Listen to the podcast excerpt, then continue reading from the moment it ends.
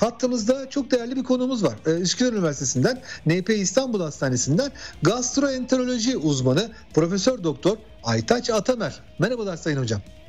Merhabalar efendim, iyi yayınlar diliyorum. Çok teşekkür ediyorum hocam.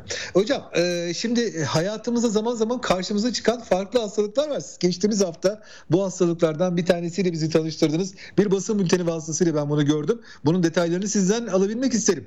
Huzursuz bağırsak sendromu e, tamlaması var. Bu sanırım hayatımızın önemli öğelerinden bir tanesi. Çünkü hani vücudumuzun hiçbir parçasını huzursuz görmek istemeyiz ama bağırsaklar bambaşka bir olay tabii.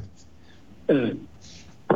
Huzursuz bağırsak sendromu, diğer adıyla irritable bağırsak sendromu ya da hassas bağırsak sendromu ya da spastik kolon gibi çok sayıda isimlerle ifade ettiğimiz huzursuz bağırsak sendromu toplumumuzda oldukça sık karşılaştığımız bir rahatsızlıktır yaklaşık toplumumuzun %15-20'sini etkileyen bir rahatsızlıktır. Bu hastalık fonksiyonel bir hastalıktır. Ve fonksiyonel dememizin nedeni şu, hastada organik bir problem yoktur.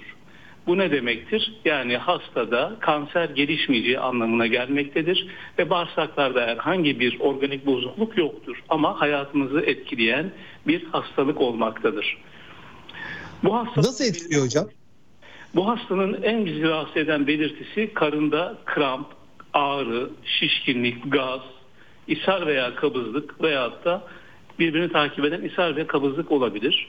Mesela yeni bir işe başlayan ya da çocuklar okula gittiği zaman evden çıkmak istemezler. Şiddetli karın ağrıları olur. Tuvalete gitme ihtiyaçları duyabilir. Ağır vakalarda ben dışarı çıksam nerede tuvalet bulabileceğim der hayatını zehir eder. Gerçekten yaşantıyı son derece olumsuz etkileyen bir hastalıktır. Evet, evet, evet, evet. Peki e, bu bir hani hastalık diyoruz. Türkiye'nin de yüzde onunda on beşinde e, görüldüğünü siz dile getirdiniz. Bu bizim yaptığımız yanlış bir şeyden dolayı mı yoksa genetik bir faktör müdür? Bunun bizde bu kadar e, yüksek sayıda olması? E, bu tüm dünyada da böyle. Sadece Türkiye has bir yüzde okay. Tüm dünyada da böyledir. Huzursuz bağırsak sendromunun nedenlerini araştırılmış ama kesin tam bir nedeni bilinmemektedir. Fakat bunun dışında birçok faktörler saptanmıştır. Genetik faktörler de rol oynayabilir. Ailesinde spastik kolon olan kişilerde daha sık görülebiliyor. Bunun dışında bayanlarda erkeklere göre 2-3 kat daha sık görülebiliyor. Gençlerde görülen bir rahatsızlık özellikle 45 yaş altında daha sık görülüyor.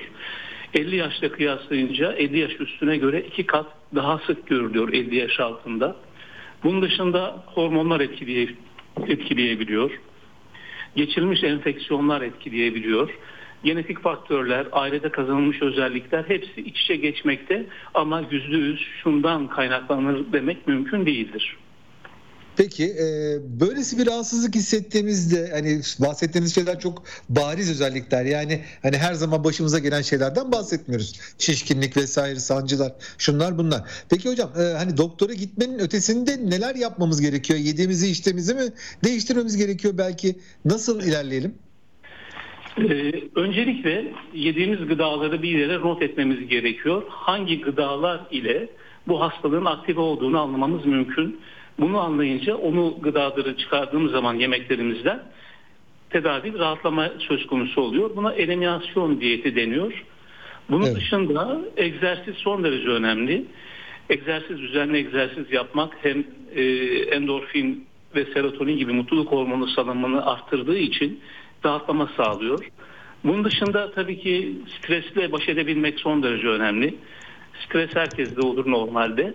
Bunu baş edebilirsek bu şikayetleri de büyük ölçüde azaltmamız mümkün oluyor. Burada önemli olan nokta bu tür şikayetler yaygın şikayetler olduğu için ne tür şikayetler olduğu zaman bir gastroenteroloğa başvurmak gerekiyor. Bu önem arz ediyor.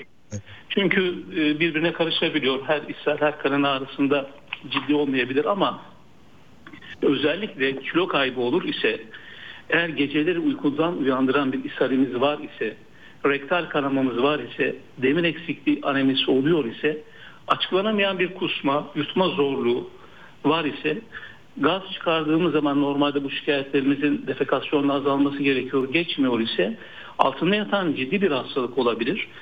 Burada hastalarımızın çoğundaki en büyük korku ve endişe acaba bende kolon kanseri gelişir mi? Allah korusun. Evet. evet. Evet. Bu şikayetler olduğu zaman muhakkak bir gastroenteroloğa başvurup incelemek gerekiyor.